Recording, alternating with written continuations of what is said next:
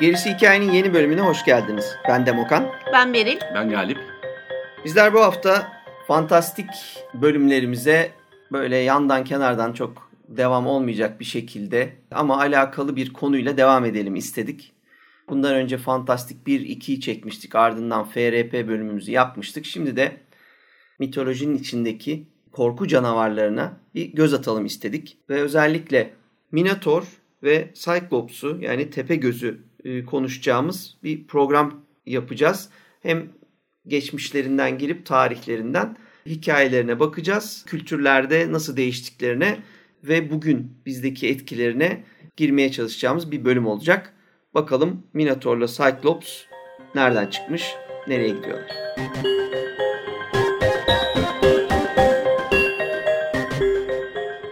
Minotaur'un etimolojisine bir göz attım. Tabii ki isim kökenli olduğu için nihayetinde bunun Minos'un boğası olarak anlam ifade ettiğini gördüm. Peki neden Minos'un boğası? Minos kim yani değil mi? Minos kim?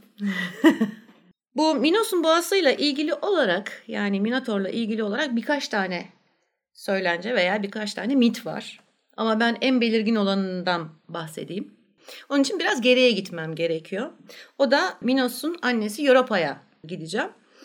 Ee, Europa bildiğiniz üzere Zeus zaten güzel kadınlara dayanamaz. Ee, Europa'ya da dayanamamış. Böylelikle Europa ile Zeus'un e, birleşiminden yani e, ilişkisinden üç tane e, erkek çocuk dünyaya geliyor. Bunlar üç kardeşler. O zamanlar kral olan ve aynı zamanda Europa'nın kocası olan Aseterion bu çocukları kendi oğulları gibi büyütüyor. Fakat ani bir şekilde ölüyor ve arkasında tahta kimin geçeceğine dair bir varis bırak, belirgin bir varis bırakmıyor arkasında. Bunun üzerine tabii ki e, prensler birbirlerinin arasında yarışmaya ve savaşmaya başlıyorlar. E, tüm kraliyet ailelerinde olduğu gibi. Fakat Minos'un şöyle bir e, durumu var. Bir kere ismi zaten kral anlamına geliyor. Kaderinde kral olmak varmış isminden dolayı. Evet. Fakat bu yarış esnasında Minos diyor ki ben diyor yani benim kaderimde kral olmak var. Hani ismimden de bu belli. Bu yüzden tanrıların desteğine ve iznine sahibim diyor kral olmak için. Bir nevi kut bende diyor yani. Evet. Hı. Aynen öyle. Bunun üzerine diyor ki ben bunu size kanıtlayabilirim. E, ben ne istersem tanrılar bana verecektir onu diyor. Ve bunun üzerine Poseidon'a bir gün kurban verirken ondan bir boğa istiyor. Hı hı. Çok güzel bir boğa istiyor. Yani eşi benzeri olmayan bir boğa istiyor. Diyor ki eğer sen bana bu boğayı verirsen e, ben sana bunu kurban edeceğim diyor. Yani ne kadar güzel olursa olsun, ne kadar eşsiz olursa olsun ben bunu sana kurban edeceğim. Poseidon boğayı yaratıyor ve Minos'a gönderiyor. Bu boğa da çok ihtişamlı, son derece büyük, son derece güzel ve bembeyaz bir boğa. Hı hı. Tabii kendini kanıtladığı için tahta geçiyor. Fakat tahta geçtikten sonra boğayı o kadar seviyor ki yani daha doğrusu boğayı, boğadan büyüleniyor ki evet. onu kurban etmek istemiyor. Ve bunun, bunun yerine başka bir boğayı kurban ediyor Poseidon'a. Bunun üzerine Poseidon onun bu küstahlığından ve e, kendini üstün görmesinden hı hı. son derece sinirleniyor ve cezalandırması gerektiğini düşünüyor bu küstah davranışı için. Şimdi burada biraz karışıklık var. Daha doğrusu birkaç anlatı var. Ee, bir, kendisinin lanetlediği. iki bunun için Afrodit'ten yardım istediği. Fakat nihayetinde Minos'un karısı Pasifea'ya bir lanet gönderiyor.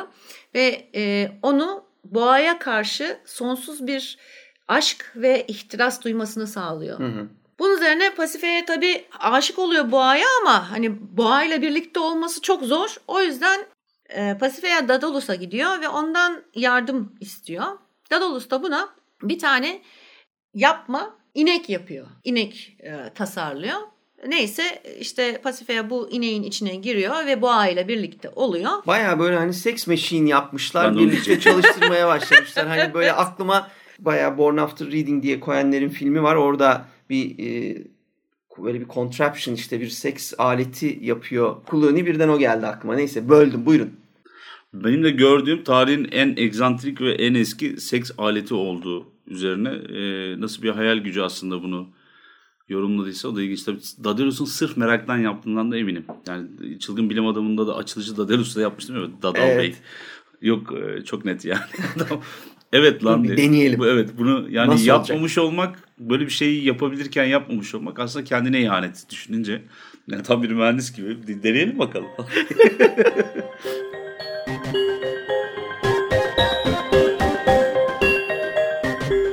Tabii bu ilişkiden e, Minotaur doğuyor. Fakat e, tabii adı Minotaur değil. Adı Asterion. Stereon dedesi. Evet. E, üvey dedesinin adını e, alıyor. Ve küçükken Pasife'ye ona bakıyor. Onu besliyor, e, büyütüyor. Bu arada tabii yardım ettikleri yani Minos bunu öğreniyor ve çok kızıyor. E, ve bu ilişkiye yardımcı olan hem Dadalus'u hem de Ikarus var. Ikarus da bu işin içinde. Onları bir hapsediyor. Ondan sonra. E, fakat kraliçeye dokunmuyor. Yani karısına dokunmuyor. Evet. Neyse bir süre işte Pasife'ye bakıyor Asterion'a işte büyütüyor ediyor. Fakat büyüdükçe Asterion vahşileşmeye başlıyor. Ee, tabii kontrol edilmesi zor oluyor. Asterion bu arada e, yiyecek konusunda epey seçici. Çünkü tam olarak hangi besinini alacağını bilemiyor. Çünkü yarı canavar, yarı insan. Ee, bunun üzerine insan yemeye başlıyor. Bu olunca toplum içinde tabii söylentiler yayılmaya başlıyor. Minos da hem bu ilişkiyi saklamak hem de Asterion'u kontrol altına alabilmek için Dadalus ve Ikarus'a gidiyor. Diyor ki e, Dadalus'a bana bir e, labirent inşa et. Tabii bunu da bir e, oracle yani kahinin tavsiyesi üzerine istiyor. Evet kendi kendine düşünmüyor. Tabii kendi kendine düşünmüyor. Ve Daedalus bir labirent, kocaman bir grand labirent denilen yani büyük labirent denilen bir labirent e, inşa ediyor. Ve Asterion'u oraya Hapsediyorlar. hapsediyorlar. Ve zaman zaman işte insan e, kurbanını adı altında besliyorlar onu orada. Ya da yolu düşen olursa zaten Asterion onu hallediyor. Evet. Bir zaman sonra Minos'un oğlu Androgeos Atinalılar tarafından öldürülüyor veya bir rivayete göre e, onlar yüzünden ölüyor. Bunun üzerine Minos da Atinalılardan e, her sene veya bir rivayete göre 9 senede bir o da anlatıma göre değişiyor. 7 erkek 7 kız gençler istiyor labirente Atmak için. atmak için. Bunun üzerine Atina kralı e, ne yapacağını bilemiyor. Yani göndermek istemiyor. Ve Delfili kahinlere başvuruyor. Delfi kahini de buna diyor ki göndermelisin. Yapmalısın ki tanrıları kızdırma. Hı hı. Ondan sonra bunun üzerine Atina kralı e, kurbanları göndermeye başlıyor.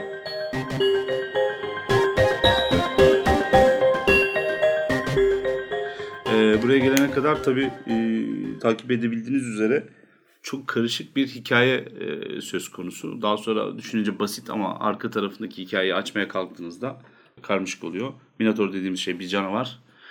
Bir boğa başı taşıyor ve bir insan bedeninde ama aynı zamanda bir gene bir boğa kuyruğu var Evet. gibi bir yaratık. Kendisine atfedilen Europa'nın torunu olduğu ve Girit adasının e, güçlü kralı Minos'un karısı Pasiphae ile e, Poseidon'un avatarı e, gibi olan beyaz görkemli bir boğayla sevişmesi üzerine e, ortaya gelmiş bir yavru oldu. Ve bu e, karışık türün hikayesi anlatılırken tabii bizdeki Tepegöz hikayesiyle Aruz Kocaoğlu işte Basat'ın Tepegöz'ü öldürmesi hikayesiyle bir benzerlik de başlıyor. İlk önce yemek yiyor, insanlarla beraber yiyor. Daha sonra onu besleyecek kadar bir yiyecek olmaması oluyor ve doymuyor da. Ee, bu hikayenin olduğu yerde de gerçek adı da e, Asterion olan yıldızlarla devamlı ifade edilen yaratığımız insan eti yemeye başlıyor.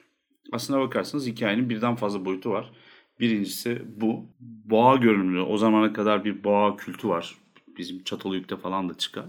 Aslında tarımı birazcık daha atfeden, tarıma atfedilen bir yapı olduğu söylenir. Ya da ay döngüleri üzerinden gene tarımın hesaplanmasıyla alakalı o boynuzların benzemesiyle hı hı. ilgili hilal boynuzu olması nedeniyle bir kutsallık atfedilen bir yaratık. Bir de dünyevi bir yaratık olduğu söylenir. Toprağın yaratığı gibi görülür. Bir de şeyi soracağım. Bu zaten en başta da hikayenin en başında da Zeus bir e, boğaya dönüşüp e, Avrupa ile birlikte olmuyor muydu? Sanki o Minos'un doğumunda da bir boğaya dönüp Boğa hikayesini tam evet, hatırlamıyorum evet, evet, ben. Doğru doğru Boğa doğru. kılığında Avrupa ile birlikte bir oluyordu gibi bir saniye, de bir... Evet doğru. Zeus'un şeye Tabii, dönüştüğü, boğa boğaya, dönüştü. boğa formuna yani, dönüştüğü. e, ailede bir baştan var yani bir boğa, boğa olayı. Ama şimdi Girit'le alakalı bahsedilen şeylerin %90'ı boğa ve labirent zaten şeyde Yunanlılara göre. Çünkü hani Yunanların e, ilginç bir hikaye anlatıcılık geleneği var. Birazcık da taşlama gibi oluyor. E, etraflarından da çok alıyorlar.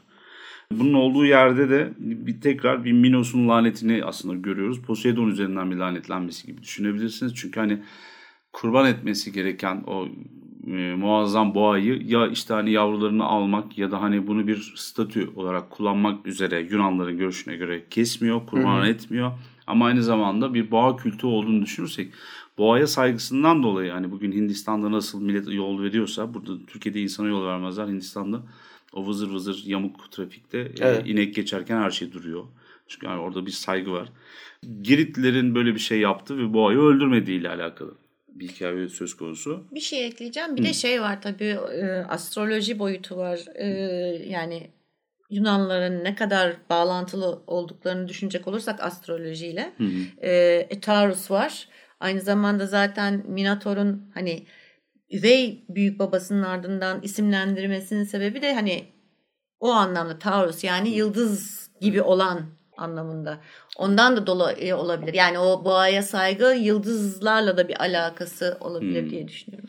Yani yıldız gözlemeden öte ben açıkçası tarım toplumu diye düşünüyorum. Çünkü dünyanın birçok yerinde e, ilk tarım toplumlarının bir boğayla alakalı olarak, inekle alakalı, hayvancılıkla alakalı olarak şeyleri var. E, zaten şey bu Asterion adını aldıktan sonra ilk başta tanıtılırken ya da Minotaur'un geçtiği yerlerde e, resmedilirken hep etrafından hani böyle yuvarlak parçalar olduğu söyleniyordu. Onların yıldız yansımaları ya da ışımaları gibi de tabir edildiği şeyler var, e, söylemler var. Uysal ama yeri geldiğinde tehlikeli çok güçlü bir yaratığın otoburluktan etoburluğa dönüşmesi hikayesi ve bir insan hibritinin aslında e, yıkıcılığı üzerine anlatılan bir hikaye. Ama hikayenin arka tarafında tabii kaçınılmaz olarak bir trajedi, bir dram izah edilmiş. Tanrıların da insanların işine karıştığı, ondan sonra kimilerini yoldan çıkartıp kimilerini ihya ettiği falan bir hikaye var. Mesela Theseus'un gençlik yıldızı başındayken olimpiyatlara geçmeden evvel görmüş olduğu bir iki tane iş var. Ben Theseus'u çok severim bu arada. Gene şeyin Minotaur'un kardeşi Ariadne'nin desteğiyle ve bugün bütün Amerikan filmlerinde vesairede çok göreceğiniz birbirine ip bağlama yöntemiyle.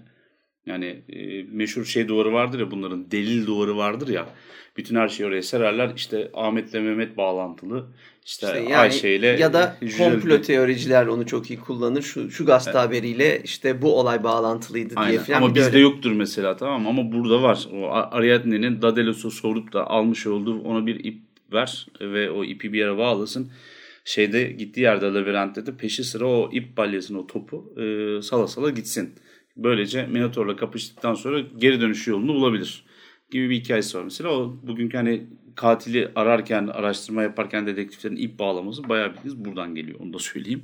Teseus'un daha evvelden başka çözmüş olduğu başka bir inekli vaka var aslında. O vakanın üzerine bir de bunu yapabilir mi acaba diye söylüyorlar. Aynı zamanda bir kral oğlu olduğu için de kendisi yarı tanrı seviyesine yükseleceği için belki ileride hı hı. E, böyle bir görev oluyor. Tabii e, bu görevlerden bir tanesinde Minotaur olmasının şöyle bir şey de var, tarafı da var. Vaktinde Herkül'ün 12 işinden bir tanesi de gene Girit adasında ve gene bir inekle ilgili.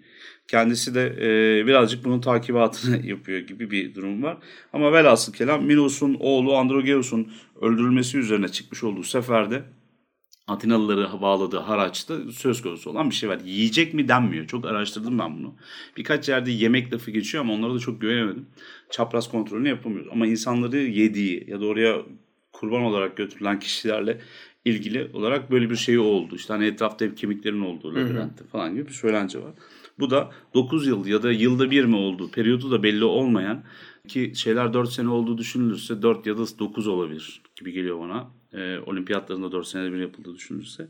7 bakire ve 7 tane güzel delikanlının kurban olarak ya da hani böyle baç olarak, haraç olarak verildiği bir durum söz konusu. Tesos bunu biraz kırmak için değil de biraz da şan şöhret e, yakalamak için gidiyor. Ama tabii işin özünde de Atinalıların böyle bir kahramanlığa ihtiyacı var. Çünkü 7-7 veriyorlar çocuklarını. Ve çocuklar da geri gelmiyor. Bu gönderilme hikayesinde bir başka bir şey de tekabül ediyor. Aynı gene bu e, dediğim gibi Tepegöz benzerliğini ben buradan kuruyorum. Tepegöz'ün de mesela ilk başta bir güç olarak ortaya çıkıp ondan sonra Oğuz elini kırması, Oğuz'un üzerine savaş yaptığı bir sürü beyi yaralaması, ondan sonra e, bazılarının dünyasını karartması, bazılarını öldürmesi hadisesinin içinde e, ve Oğuz'u da bir yerden bir yere götürmemesi. Mesela hani ayrılmak istiyorlar, bölgeden çıkacağız diyorlar, önüne geçiyor falan Tepegöz. Hayır burada kalacaksın sana. İlk başta 60 kişi isterim diyor günlük diyor yemek için. Onlar da diyorlar 60-60 verirsek Oğuz ilinde adam kalmaz diyor. E, o zaman sen de aç kalırsın. Ha? O zaman başlıyorlar pazarlığa ve en sonunda da e, günde iki tane adam yemeği yapsın diye ve 60 koyun gibi bir şeydi galiba. Evet, evet. Anlaşıyorlar, geçiyor falan. Oradaki hikaye ben bizimkilerin hikayenin bu ilk kısmını, giriş kısmını Basat'ın Tepegöz'ü öldürmesi e, meselindeki o ilk giriş kısmının Minotaur'dan alındığını düşünüyorum. Çok yüksek benzerlikleri var. Evet. Minotaur'u düşününce ister istemez aklıma birilerini öldürmek, yemek vesaire gibi bir şey olduğu gelmiyor. Nedense benim çarpık bir zihnimin içerisinde onlarla böyle 7-9 tane arkadaş olması. Onunla eğlendirecek yani hı hı. sorunlu bir e, bireyi, yanlış doğmuş bir kişinin yanında nezaret etmesi gereken gençler olduğunu falan düşünüyorum. E, şey düşünüyorum bir de. Brad Pitt'in ilk filmi şey vardır. Dark Side of the Moon vardır. Hatırlıyor musunuz? Moon'du galiba adı O da mesela insan içine çıkamıyordu bir güneş rahatsızlığı olduğu için vesaire kimseyle arkadaş olamayan kişi. Minotaur'u birazcık öyle bir dram içinde görüyorum. Tabii benden başka kimse böyle görmüyor. Minotaur gerçekten canavar diyorlar. Yemesi yani bir otoburken bir şeyleri yiyor olması ya da hani boynuzlarını takıp gebertiyor olması hiç fark etmiyor. Oraya giden 7-7-14 kişiyi öldürdüğünü anlatıyorlar.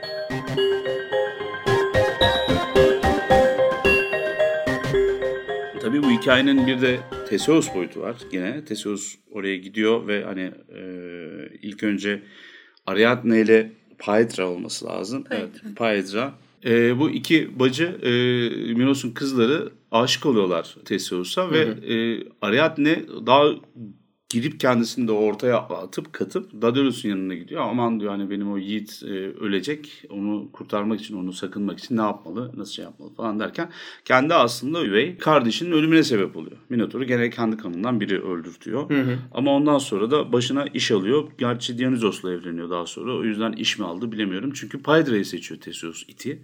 Ve ondan sonra da o kızı alıp gidiyor. Ariadne'yi de e, yol üzerindeki Girit'ten açıldıktan sonra başka bir adada bırakıyor. Aa, nasıl bir plan yapmış yalnız. Planla değil ama şey diye söylüyorlar. Yola çıkınca Dionysos Ariadne'ye aşkını hani söylüyor Theseus'a ve sen diyor onu alma onu alma öbürkünü al öbürkünü al diye yol verdiğini daha sonra da o adada Ariadne ile Dionysos'un evlendiğini falan anlatıyorlar. Hikayenin bu kısmı ile alakalı ilk söyleyeceklerim bunlar. Ama e, inanılmaz büyük yansımaları var modern korku edebiyatında falan karşılığı olan şeyler. Bir defa onu bir söyleyelim. Örneğin Minotaur hikayesini Karın Deşen Jack'in hikayeleştirilmesi esnasında birebir kullanıyorlar.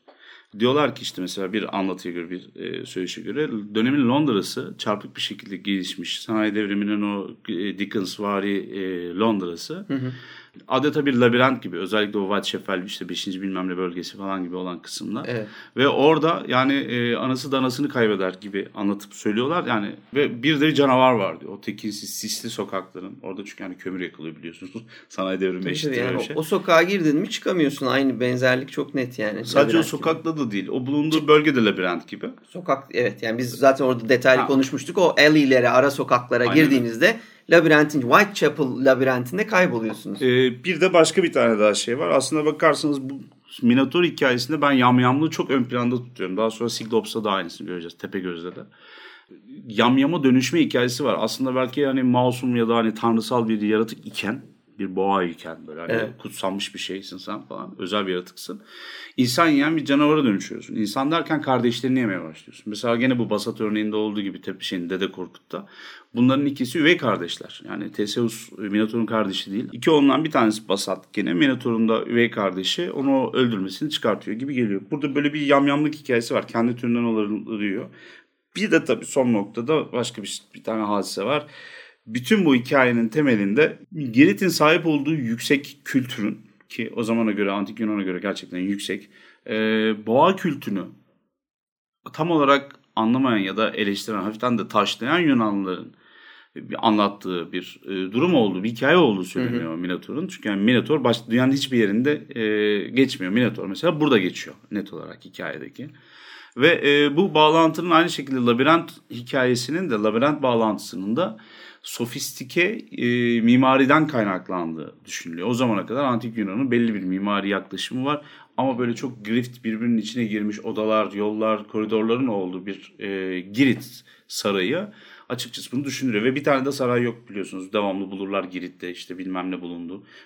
Boğaların üzerinden atlayan çocukların e, şeylerin olduğu, duvar fresklerinin ya da boyamaların olduğu yerler bulundu gibi şeylerle karşılaşırsınız.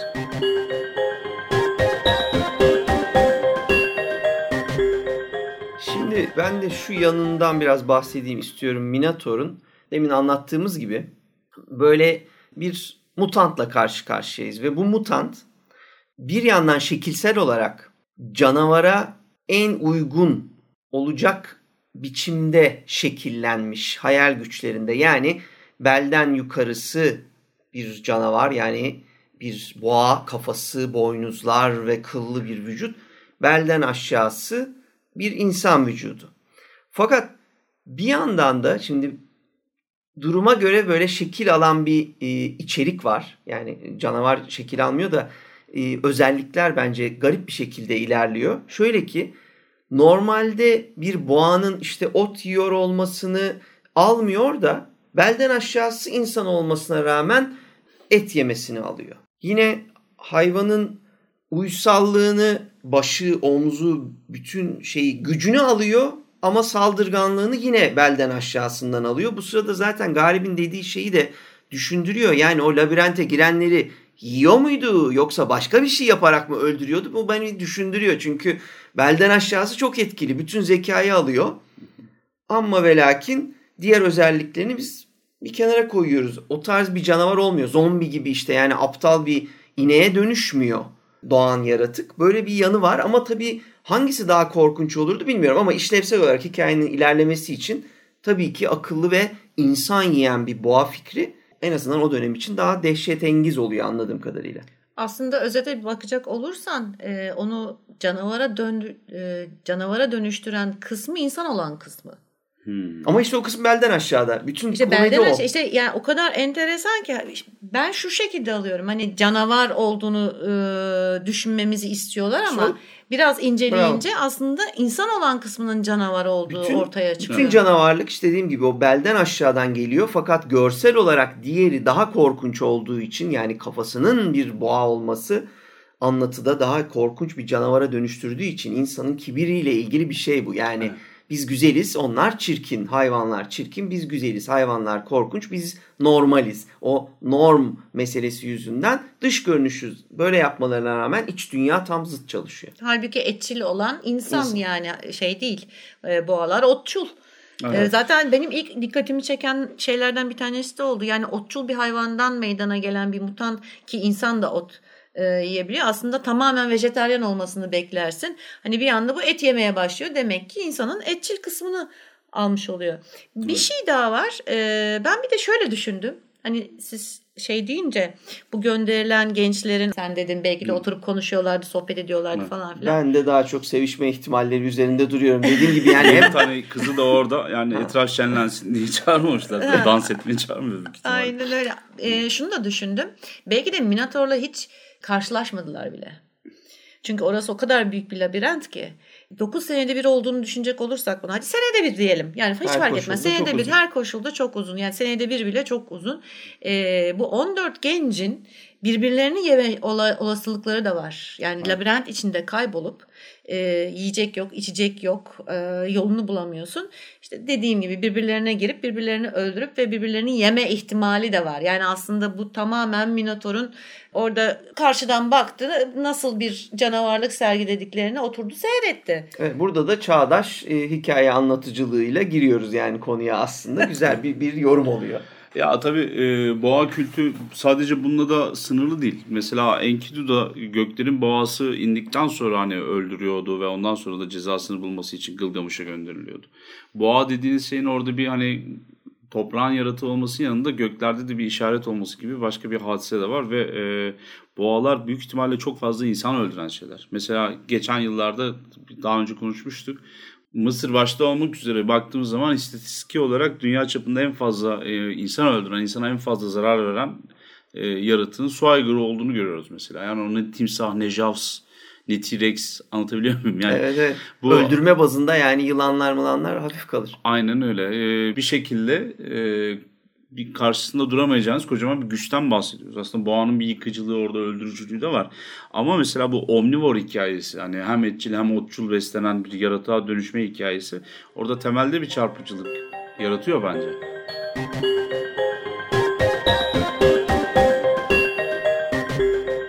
Minotaur'dan işte biraz hem hikayesinden hem görünüşünden hem de bizde yarattığı etkilerden de kısaca bahsettik. Birazcık da bakalım Tepegöz'e geçelim. Biraz da Cyclops neymiş, nereden çıkmış biraz da ondan bahsedelim. Tepe Göz ya da Siklops hikayesi. E, Siklopes çoğulu Siklops e, tekili olarak geçiyor. Kelimenin Yunanca bir kökeni var. Lops göz demek. E, diğer kelimeyi ben ne zaman söylesem her Türk gülmeye başlıyor. O yüzden diyecek bir şeyim yok. E, Cycle'da olduğu gibi çember manasına geliyor. E, SIK diyebiliriz aslında kelime olarak. Yani şeyimizde temiz yayınımızda kirletmeden nedense bilmiyorum e, bir manası var. Bu yuvarlak göz kısmı bir ayrı tutalım. Çünkü insan gözünün geometrisini ya da hani böyle şeklini, cismini çok ifade etmeyen bir tabirden bahsediyoruz aslında burada. Bu yaklaşım da aslında size yaratığın halini birazcık anlatıyor. Yani tepe göz deyince insanlar oraya bir üçgen halini alabilecek tam alımda bulunan bir göz çiziyorlar. Ama alt tarafta iki tane göz varmış. Daha sonra bu gözlü olan kafa atanamamış ve onun yerine de hani bir de üç gözlüsünü yapalım diye elde var olan bir şekli bozup yapıyorlarmış gibi bir durum oluyor. Aslında öyle bir şey yok. Yani elde atık olan şeyi başkasına eklemek gibi de olabilir. Aynen öyle. Yani Hı-hı. fiziksel görünümü nedense insanlar daha iyi kendilerince anlamak için böyle yorumluyorlar gibi geliyor bana.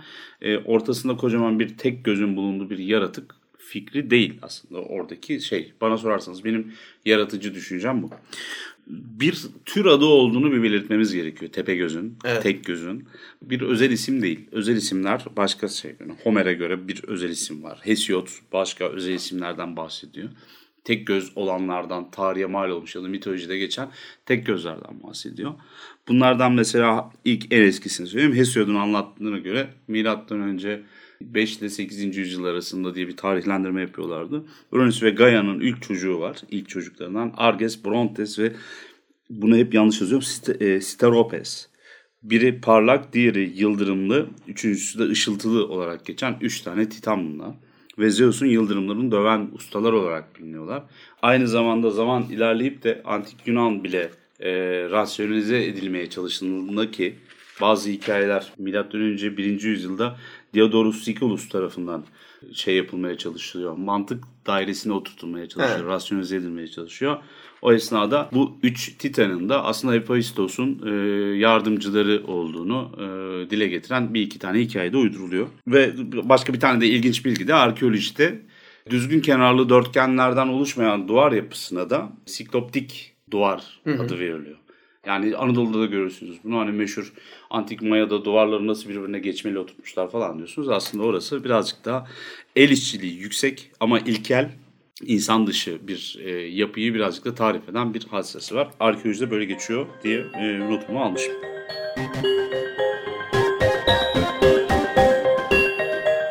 Ee, şimdi ben Hesiod'dan Theagonis'inden bir e, şey yapacağım. Bir anekdot ekleyeceğim. Hı hı. Uranüs ve Gaia'nın e, çocukları bu iç Titan bir kere son derece güçlü ve bu güçlerinden Uranüs korkuyor ve bunları Tartarus'a kapıyor.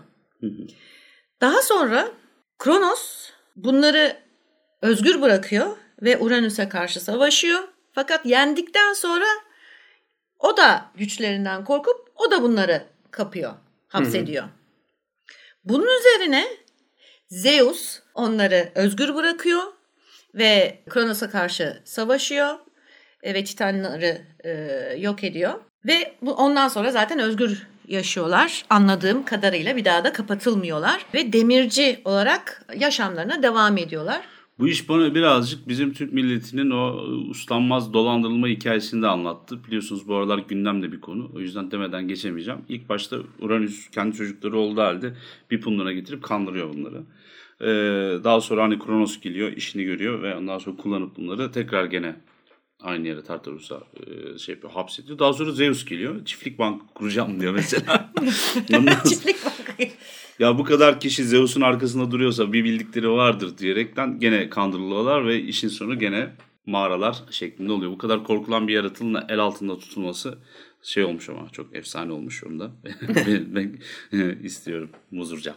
Ondan sonra da sadece Zeus'un bu şimşeklerini değil aynı zamanda Poseidon'un çatalını, Artemis'in yayını ve ay ışığı oklarını, Apollo'nun gene yayını ve gün ışığı yani gün ışıkları yayını, Hades'in de Helm of Darkness yani karanlık Miğferi. miğferini bunlar yapıyor, yaratıyor. Bayağı tanrıların demircisi yani hatta demir de değil biz kelime bulamadığımız için demir diyoruz ama silahçısı, Silahçısı. bir şey yani böyle. Evet. Ee, yani evet demirci kısmı ama mucit birazcık daha. Onlara alet edevat yapan cephanelik kısmında bulunurlar genelde. Hani Ama armorer şey- derler ya onlara. Evet. Armorer aynen Bizdeki öyle. ha, cebeci cebeci tamam. Orijinali onun cebe. Ee, bunlar Daedalus gibi hani böyle karmaşık işte mimari şeyleri veya mekanik şeyleri yaratan e, tipler değil veya Bunlar büyücü adamlar. Bunlar- işte. Evet, Yani bir de- elinde ne var? Tokmak var, tahta var yani. aynı bunlar şey, bunlar bir de titan yani en nihayetinde ellerinde ay ışığını veya gün ışığını oklara işleyebilecek kabiliyetleri var. Evet yani dediğim o. dünyevi malzemeler kullanarak o böyle karmaşık makineler ıvır kıvır yapabiliyor. Oysa ki ya da seks makinesi az önce anlattığımız gibi böyle hani bayağı garip şeyler. Orada büyülü olan ineğin buna kanmış olması bana sorarsanız. O Poseidon'un boğasının aa aynı inek diye hırslanıp Ama evet yani o Top Secret'ta da vardı kanıyorlar o hikayelerde. Öyle bir şey var gerçekten. hayvanlar tartışmıyor. Ama şey diğerleri doğaüstü işte öyle ışıkları, yıldırımları vesaireleri döverek bunları silaha çeviriyorlar ki e, etkileyici bir özellik. Evet bu mucitliği birazcık tabii işin özünde şöyle bir numara da var onu da söyleyelim. Yeri geldi bence. Bunların ikisi kurmaca. Bir tanesi fantastik bir tanesi bilim kurmaca. Çünkü e, daha henüz mekanikos doğmamış Daedalus olduğu zaman ve mekanik mucizeler diyemiyoruz. Çünkü hani gerçekten mekanik doğmamış falan Evet. sahada. Ama sonuç itibariyle bir bilim vasıtasıyla tekrar edilebilir bir şekilde yapıldığı düşünülüyor. Zeus'un şeyi bir defa dövülebiliyor. Niye ne bileyim yani Big Bang'den sonra azıcık bir malzeme ortaya çıkmış çünkü gibi masalsı anlatısı var buradaki yaratıklarda da. Ama işin özünde tabii ne öyle bir mekanik şey var ne boğayı kandırabilecek tahta manken boğa var. Ne işte kanatlara bal mumuyla tüyü yapıştırınca e, şey olmuyor insanlar uçamıyor. Anlatabiliyor Evet. muyum? Yani ikisi de uydurma aslında ikisi de kurgu. Bir tanesinde sadece büyüyü kabul ediyorsunuz diğerinde kabul etmiyorsunuz. Siz e, büyülü şeylerin olmadığı bir dünyada yaşıyoruz. Bunların hepsi saçma dediğiniz için size mekanik mucizelerle yeni bir büyü formu yaratılıyor. Sırf kanın ve okuyun diye. Açıkçası bilim kurgu tarafındaki eyorlamam da böyle.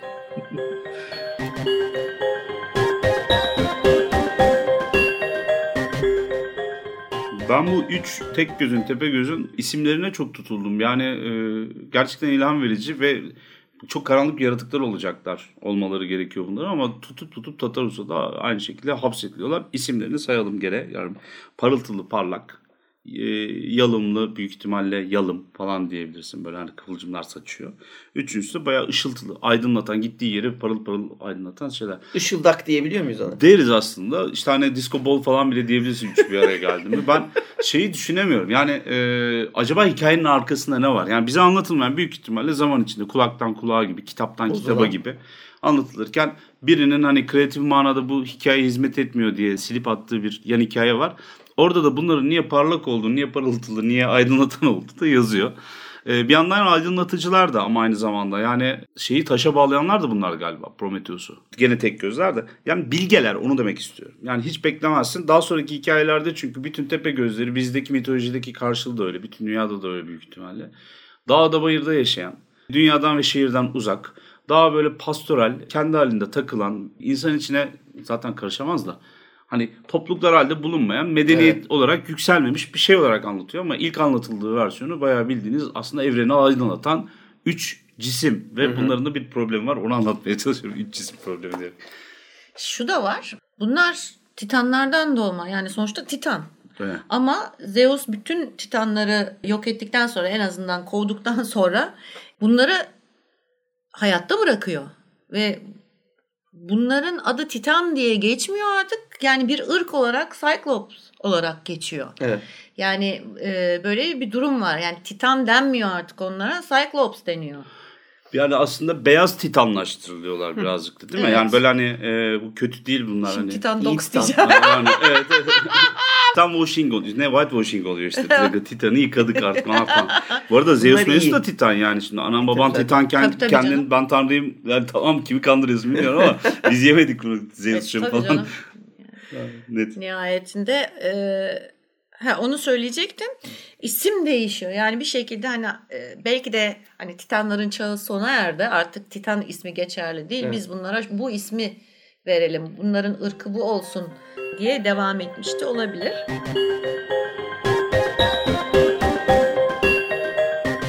Evet şimdi tabii bunların büyülü hikayeler olduğunu düşünürsek ben biraz gerçekle yan yana durduklarında bana düşündürdüğü şu yanını e, söyleyeyim istedim aslında büyülü bir hikayede bir turda bir e, anne babadan başka bir canlının doğması ihtimali var.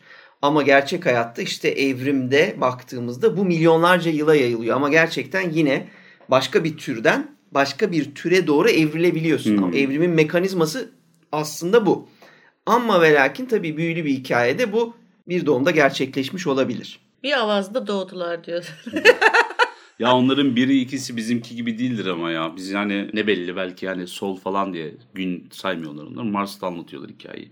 Böyle bir şey de olabilir. Tabii tabii yani her farklı. zaman e, bunlar mümkün. Sadece bana bu evrimin şeyini mekaniğini de bilmedikleri bir dönemde böyle bir şeyin olabileceğini sadece işte büyülü bir e, diyarda e, tanrılar e, adı altında yapabileceklerini düşündürttü bu konuşmamızdan. Ama e, dediğin evrim şeyde benim biraz önceki sorduğum soruya da birazcık aslında bir cevap güzel de oldu. Benim de aklıma yatıyor şu an düşününce.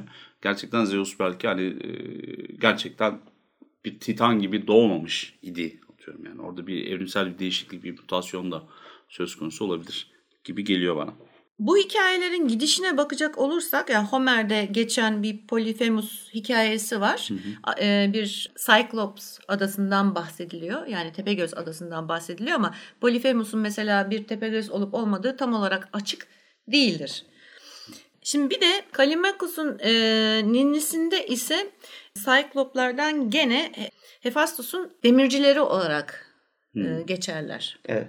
Evet. Ve Hephaistos'un yardımcılarıdır. Burada da volkanların e, volkanlardan gelen seslerin aslında Cyclops'ların kurmuş olduğu bu e, ne derler demirci örs falan o örs, ha, örslerinden çıkan sesler olduğu hı hı. E, söyleniyor. Ocak da diyebiliriz. Abi. Ha, ocak da denilebilir. Çünkü sonuç olarak volkanları işte bu Cyclops'ların e, demir dövdükleri yer olarak ifade ediyor. Evet. Şimdi Euripides'e geldiğimiz zaman iş biraz karışıyor. Odisey'den aldığı için hikayesini. Hı hı. Burada Cycloplar daha bu mağaralarda yaşayan, vahşi, saldırgan, aynı zamanda yamyam hı ve huysuz, huzursuz. Yani saldırgan bir karakter olarak evet. karşımıza çıkıyor. Yaratıklar olarak karşımıza çıkıyor ve çirkin oldukları da söyleniyor. Yani sadece güçlü, kendi amaçları için yönlendirilebilir e, tanrıların e, kullanılabilen, iletişim kurabilen yaratıklardan hı hı. adım adım canavara dönüşüyor. Aynen öyle. Mesela sonrasında işte Virgil'le Aeneid'de geldiğimiz zaman e, gene aynı şekilde bir Cyclop adası görüyoruz. Tepegöz adası görüyoruz. Hı hı. Gene Polifemus'un hikayesi. Nonnus Dionysiaka'nın Indian War of Dionysus e, adlı eserinde de bir Tepegöz e, ordusundan bahsediyor. Şimdi bir şey ilk önce bir üç taneydi. Bunlar Titan'dı. Daha sonra bir Tepegöz adası gördük. Şimdi de bir ordu, ordu görüyoruz. Hı hı. Yani zaman içinde bunlar e, senin de dediğin gibi hayal gücüne, işte çevre koşullarına, anlatmak istedikleri hikayeye nasıl hizmet edeceğine dair hı hı. işte azalıyorlar, çoğalıyorlar, şekilleri değişiyor. İşte vejeteryan oluyorlar veya etçil oluyorlar veya tanrısal oluyorlar veya daha çok de- demonik oluyorlar.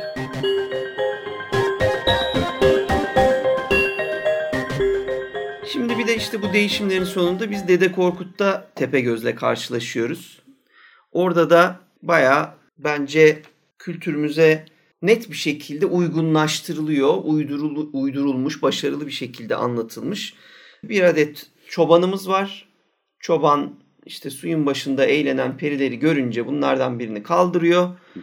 Onunla birlikte oluyor. Peri de diyor ki iyi halt ettin. Oğuz'un başına büyük bir bela sardın. Bir yıl sonra bu yaptığının sonucunu almak için tekrar buraya gel diyor. Gerçekten bir yıl sonra e, geri geldiğinde suyun başına çoban orada böyle bir e, ben koza olduğunu düşündüm. Tabii ki şiirden koza gibi anlaşılmıyor ama bizim işte hikayeci ha, hikayeci tarafımız harekete geçiyor hayalbazlığımız. Ee, orada bir koza gibi bir şey var. Bu korkuyor ne olduğunu anlamak için taş atıyor. Taş attıkça her attığında daha da büyüyor. Korkuyor kaçıyor. Ondan sonra Basat'ın babası işte Aruz denk geliyor bu sefer çoban kaçtıktan sonra. Bunlar yine böyle bir taş atıyorlar bir şeyler yapıyorlar. Gittikçe bu büyümeye devam ediyor. Sonunda tekmelerken e, mahmuz geliyor. Yırtılıyor bu koza ve içinden tepe göz çıkıyor. Ve de işte Aruz bunu alıyor. Kendi çocuğu gibi yetiştirmek için evine getiriyor.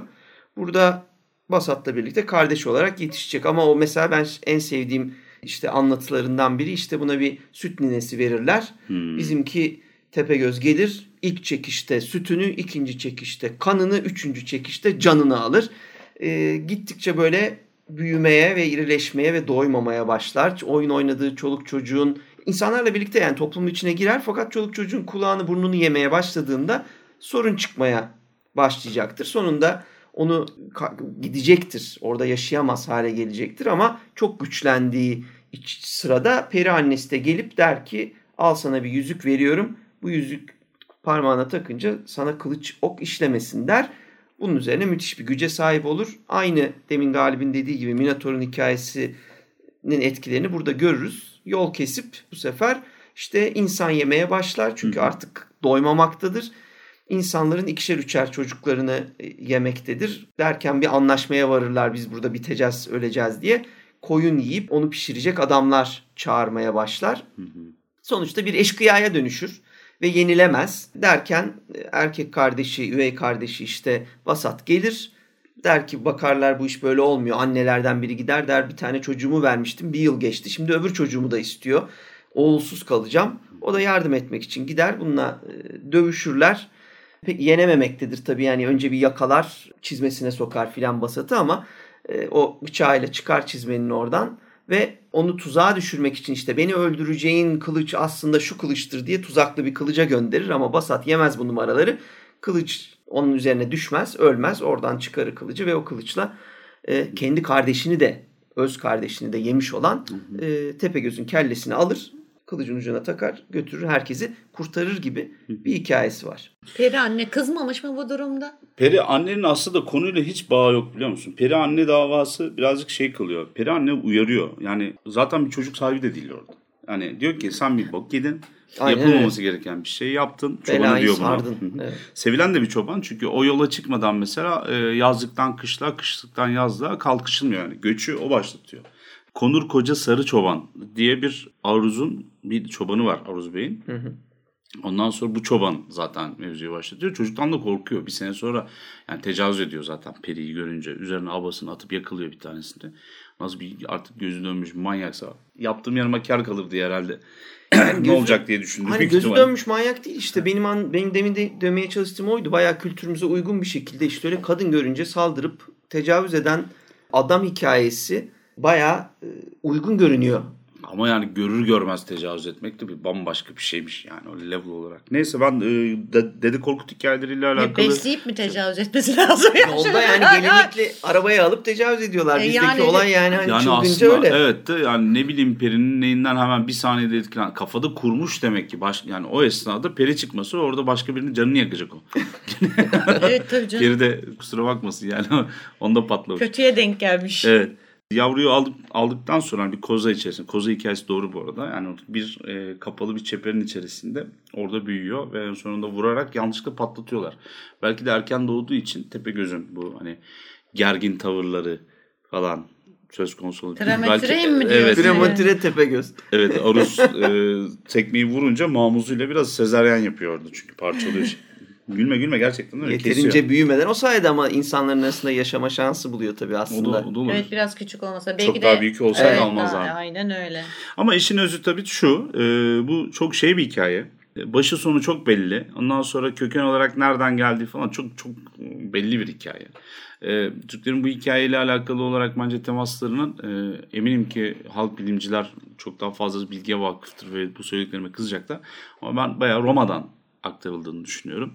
Yani e, Roma'nın ele aldığı o Sicilya'da yaşayan Homer'in aktarmış olduğu o bizim Tepegöz'ü andırıyor. Odysseus'un Polifemus'unu çok andırıyor. Bu tavır, yapı zaten hikayede bayağı bir benziyor. Odysseus'la Başat'ın çok benzer tarafları var. Hani koyun gibi çıkmalar, kaçmalar, e, akıllıyla üstün gelmesi falan hikayesi. Bir de tam hatırlamıyorum şimdi ama Başat da kör ediyordu galiba. Hani Odysseus'un Önce kör ediyor. Polifemus'u kör ettiği gibi. e, Tabii tabii. Önce demiri sokup da ben oraya atladım artık hikayede o kadar çok şey var ki. Mükemmel oradaki hikaye. demirle hani e, gözünü önce uyuyor ondan sonra öldürebiliyor tabii ki. Yerlide de bir iki tane şey daha var. İsim daha var. Bunları da okuyayım bu Wikipedia'dan. Tepegöz'ün adına Tübegöz, Töbeköz. Bunları birazcık hani komik bir caps yapar gibi okumuşlar artık. Töpeköz falan diye söylüyorlar. E göz diye bir şey var. İye göz. Başın üzerinde tek gözü olan canavar. Tek göz şeytaniliği simgelemekte. Tepegöz'ün bir türü, alt türü. E göz kafesi demektir. Belki e, belki de gözü göğsünün üzerindedir. İyi köküyle hastalık, şeytanilik gibi bir anlam barındırır. Yalgız göz var. Yal göz de denir. Başının ortasında tek bir gözü vardır. Tepe gözün bir türü olarak geçer gene. Yal tek e, kökünden gelir. Yal sözcüğü aynı zamanda ateşi de çağrıştırır. Bu yalım yalkın gibi biraz önceki o yalımlı dediğimiz hikaye gibi. Bu birazcık daha tutuyor. Bir hani tek göz, yanan göz olması hadisesi.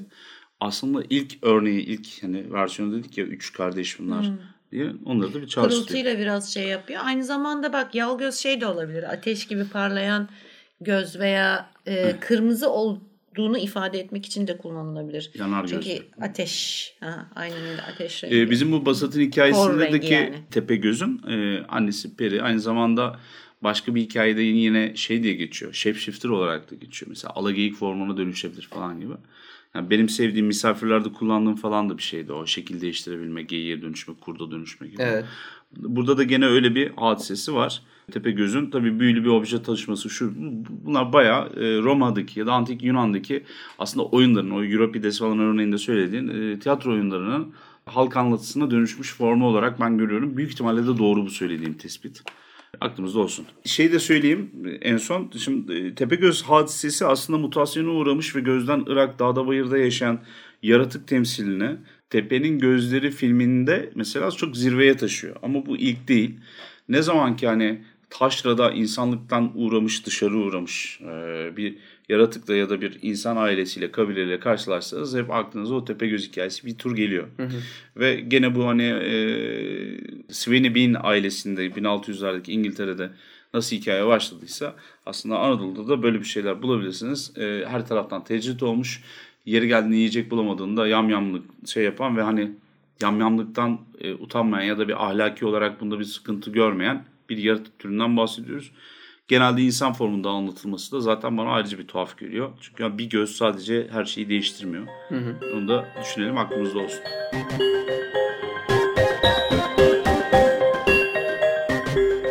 Ee, benzer yaratıklar var mı diye e, baktım. Hemen ben şey isim ve yöreleriyle geçeceğim. Çünkü daha sonra bunları inceleme fırsatımız da olabilir.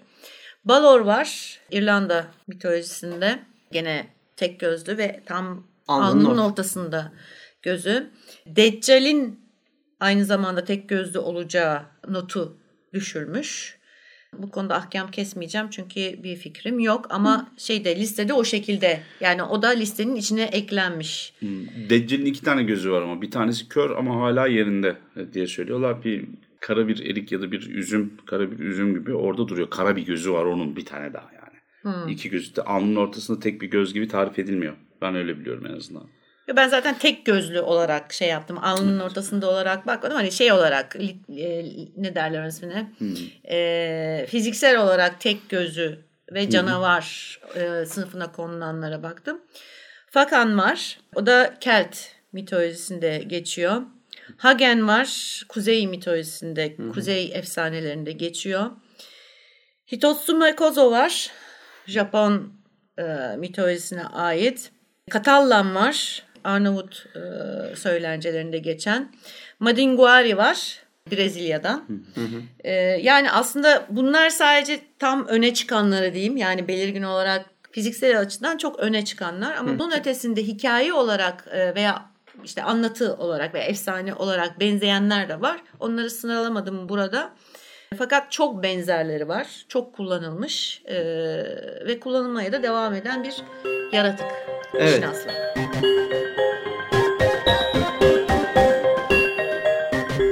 Ben bir de son olarak bu buradan e, hareketle bu mitolojinin canavarlarının sinemada popülerleşmesini sağlayan bir isim vardır. Ben e, geçen ay e, Rabarba'daki yazımda da uzun uzun onu anlattım. Bir de onu anmak istiyorum. Bu sayede mesela bizler masallardan biliyorduk bu canavarları ama gözümüzün önüne getiren kişi e, Ray Harryhausen oldu.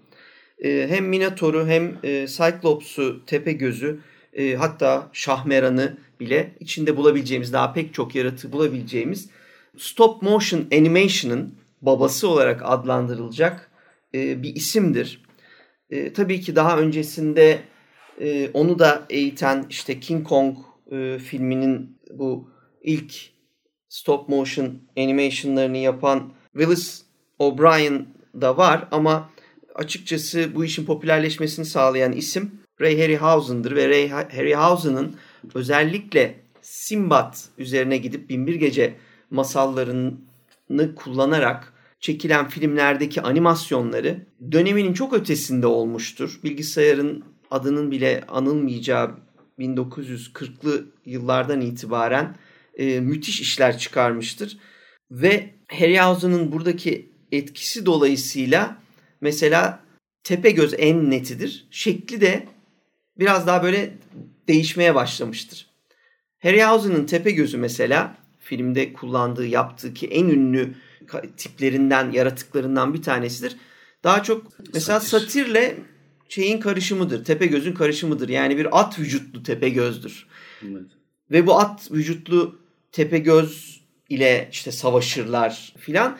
Bunu yapmasının tek sebebi de aslında o dönemde filmler çekilirken e, insanlar kostüm giyip canavarları taklit ediyorlardı. Böyle canavar çekimleri yapılıyordu. Sırf içine insan giremeyecek bir forma sokmak için mesela kendi tepe gözünü böyle e, altına at bacakları vesaire koymuştur ki bu işin e, Dynamation adını verdiği işte o dönemdeki stop motion animation'la yapıldığı anlaşılsın. insanlar daha çok etkilensinler, daha çok şaşırsınlar diye böyle de bir şey yapmıştır. Bu yaratıkların pek çoğunu sinemada ilk canlandıran ve çok kaliteli, çok güzel bir şekilde canlandıran da Ray Harryhausen olmuştur. Onun filmlerini tavsiye ederim ben. Mutlaka görelim.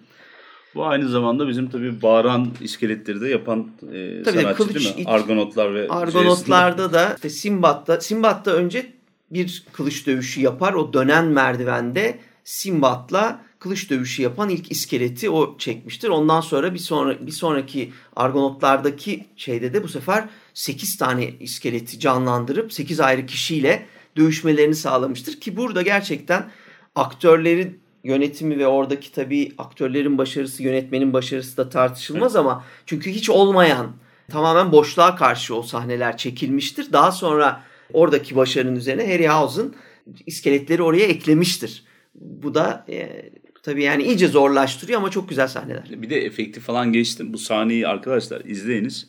E, Jason ve Argonautların çok dalga geçilen şeydi. Bu Sword and Sandal e, filmlerinin 50-60'lardaki Furya'nın tarihsel gerçekliğe bir şekilde sırtını dayayan yani vazoların üzerinde gördüğümüz insan tiplerini mitolojiyle yeri geldiğinde antik tarih, tarihin karanlık taraflarıyla o zaman için birleştiren bir yapımdan bahsediyorsun Sinsile'den Furya'da. Bunun içerisinde iskelet savaşçıların dövüşü var. Yani bugün mesela Wrath of the Titans'ı, Clash of the Titans'ı falan izliyorsunuz. Bunlar 3-5 kişi bir dalıyorlar.